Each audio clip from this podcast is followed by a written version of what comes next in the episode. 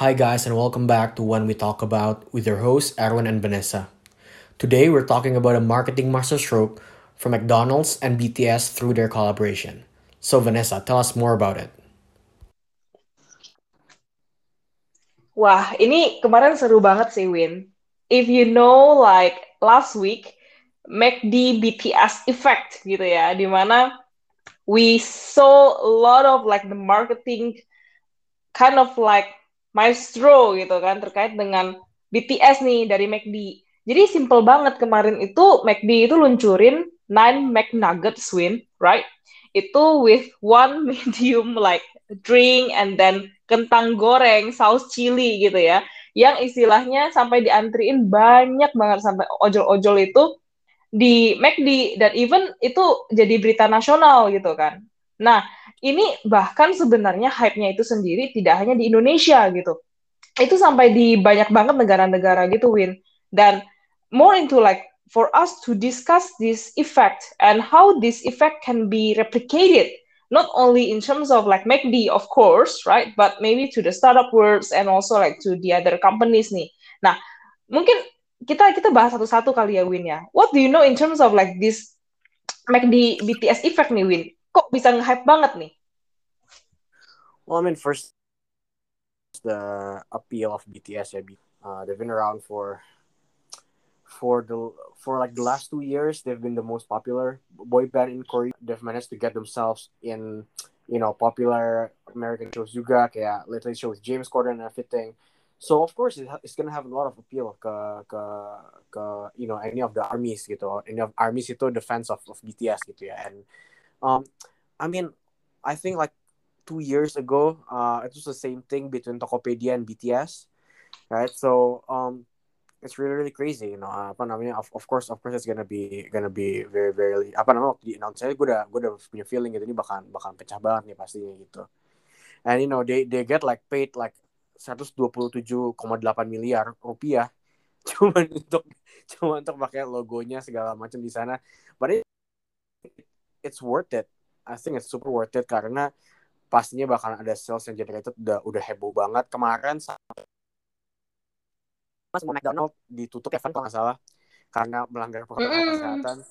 But apa namanya it's, it's crazy. Kemarin I, I I just bought one myself actually. Oh, so how is it? How is it, Win? it, was, it was just like your your normal nugget fun. Just like your normal nugget. Cuman emang sausnya enak sih. Ada dua saus yang beda gitu. I see. So ini ini menarik ya. Karena kan sebenarnya when you mention about like 100 uh, sorry 127 million gitu ya. Ini sebenarnya kan dari segi marketingnya Win. They actually got paid in terms of like the loyalty juga. Itu sekitar 60 64 miliar lah. Jadi in total kurang lebih ya 190 gitu ya uh, in terms of like miliar gitu. Nah, tapi harga dari McNugget itu sendiri kan let's say 51 um, K right? So if you think about it gitu kan, itu fansnya di Indonesia tuh uh, uh, dari segi dari segi Army tuh ada berapa gitu kan? Ada 37 juta at least di Indonesia, right? Ini at least loh dan if you do like this small calculation, they just need to uh, be able to like sell 10 persennya win dari dari 37 juta. Jadi 3,7 nih. Uh, to to like the to the 10% army untuk at least BEP bayangkan gitu kan. Dan sementara itu cuma di Indonesia. How about like the other fans in like the other country? So this like ROI based marketing is super super worth it. And it's actually kind of like a lot of replication juga nih, nggak cuma di McD BTS juga. Kemarin kita juga sempat ngelihat ada beberapa um, similar replication gitu terkait dengan this effect. Kalau teman-teman audiens masih ingat gitu kan, itu sempat ada drama Korea namanya Startup. Itu actually get so hyped, right?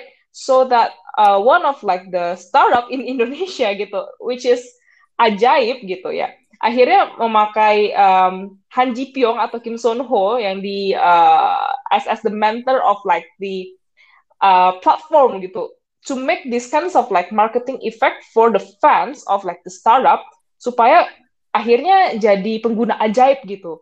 Nah, ini juga salah satu istilahnya yang benar-benar cukup unik, cukup unik yang sekarang lagi juga banyak dilakukan oleh banyak sekali um, company gitu. Dan in which I think this might be a future trend. What do you think, Win? Um, to be honest, like this kind of trend itu and collaboration is has been one of the oldest trick in the book lah in terms of marketing ya. Um, you know, uh, especially when we're talking about consumer brands gitu. Jadi like Nike has been one in this kind of collaboration gitu. Uh, one of the most popular silhouette of Nike shoes itu kan Nike Air Jordan.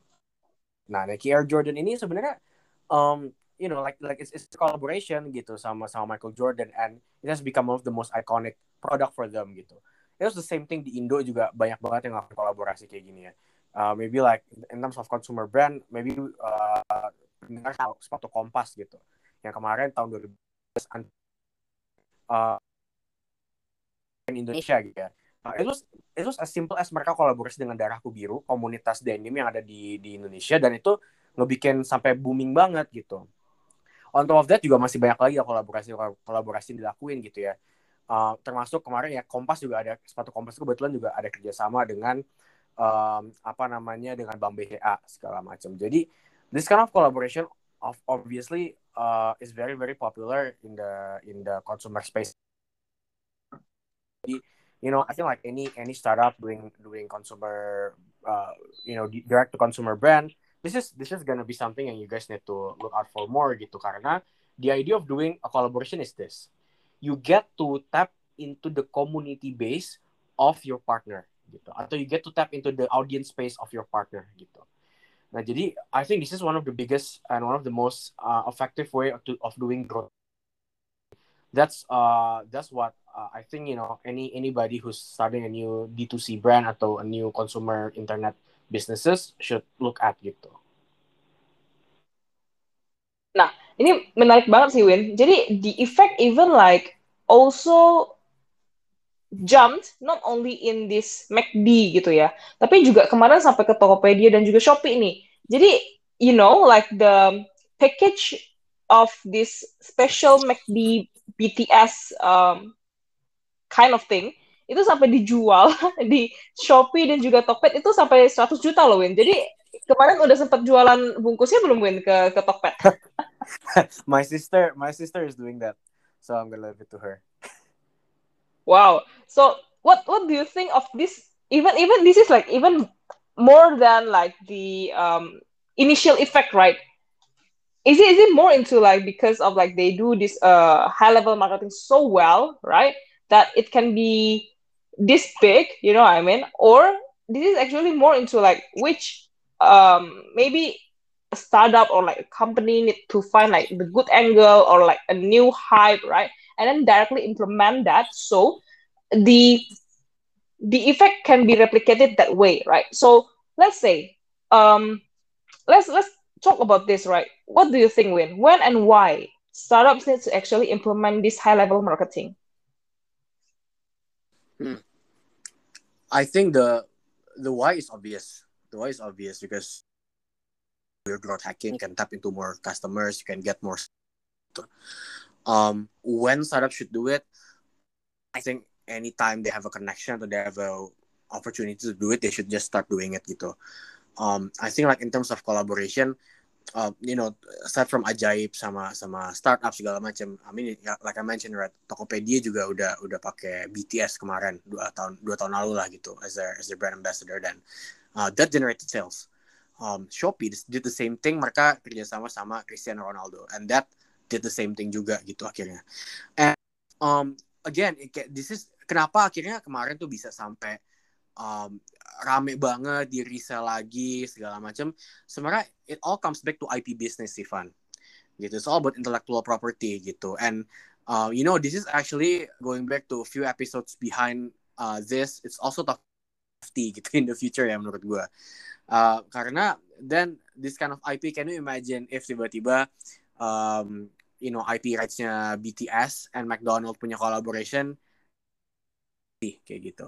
How massive the transaction can be kayak gitu ya. Karena at the end of the day yang yang, yang dijual sama orang di Tokopedia itu apa sih? It's, it's the IP right business itu. It's just the branding and the, all the packaging kayak gitu. Um, yeah, it's, it's all about it's all about IP. It's it's all about IP and collaboration. That this is again this is something yang all the streetwear companies, all the fashion companies, and direct to consumer brands has been doing for the longest time, and I think it's working really really well lah gitu. It's been working really well. You know banyak collaboration kayak um, Nike with uh, PlayStation, misalkan Adidas with uh, Kanye West for Yeezy and everything. Nah itu emang emang as you as you know kan sebenarnya apa yang ngebikin kayak harga sepatu-sepatu itu tuh uh, jadi meroket itu bukan karena emang harga aslinya mahal itu, tapi lebih ke arah the retail price is actually pretty cheap lah gitu. I mean like uh, pretty affordable gitu. Tapi abis abis orang getting their hands into it, it's all about IP gitu. Orang people want to get that design, people want to get that that that model gitu yang yang kira limited edition dan itu yang ngebikin harganya jadi naik and the valuation jadi goes up gitu. So um, in terms of that, I think like in dari sisi sudut pandang startup, um, either they're direct consumer atau mereka just a you know general consumer to you know consumer internet brand. Um, they should start IPs gitu yang nanti bisa dijual lagi gitu. Nah, this is actually very interesting angle, Win. Tapi I want to bring up another angle nih, misalnya ya. Jadi it's very important usually for like a startup uh, will to to raise fund, right? So this is what we try to observe from Ajaib nih. Jadi ketika mereka doing this kinds of like high level marketing gitu ya, and then they in the in the impact wise gitu they they were successfully raising fund itu for Series A up to like 25 million US dollar nih. Jadi awalnya kan when we think about this kan usually startup itu akan dapat pendanaan gitu. Nah, itu habis itu mereka akan melakukan high level marketing gitu. Nah, tapi in the case of Ajaib ini beda nih. Ini ini uh, bertolak belakang gitu. They actually do this kind of uh, high level marketing before they raise fund. Now, what do you think of this? Is this like the right approach when a, for example, a founder or like a startup want to actually like raise fund, right? To do like high level marketing, which might might cost quite a lot.